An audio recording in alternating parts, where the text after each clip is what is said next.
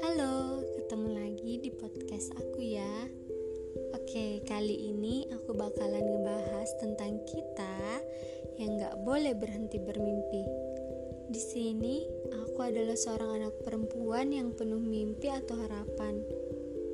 Aku juga anak perempuan yang harus menepati janjinya pada dirinya sendiri untuk sukses dan membahagiakan orang-orang yang aku sayangi. Dan aku adalah anak perempuan yang selalu nangis di malam hari kalau lagi mikir ke mana arah kehidupannya dan apa yang harus dilakukan selanjutnya dan untuk meraih sebuah kesuksesannya dan dapat membanggakan kedua saja kita merasa kecil bukan apa-apa, tapi itu bukan penghalang untuk kita mempunyai mimpi besar.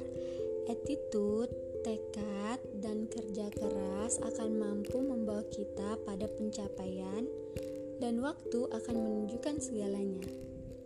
Karena di bahu aku, kamu, dan kita semua ada kebanggaan yang harus kita wujudkan, kesuksesan yang harus kukejar.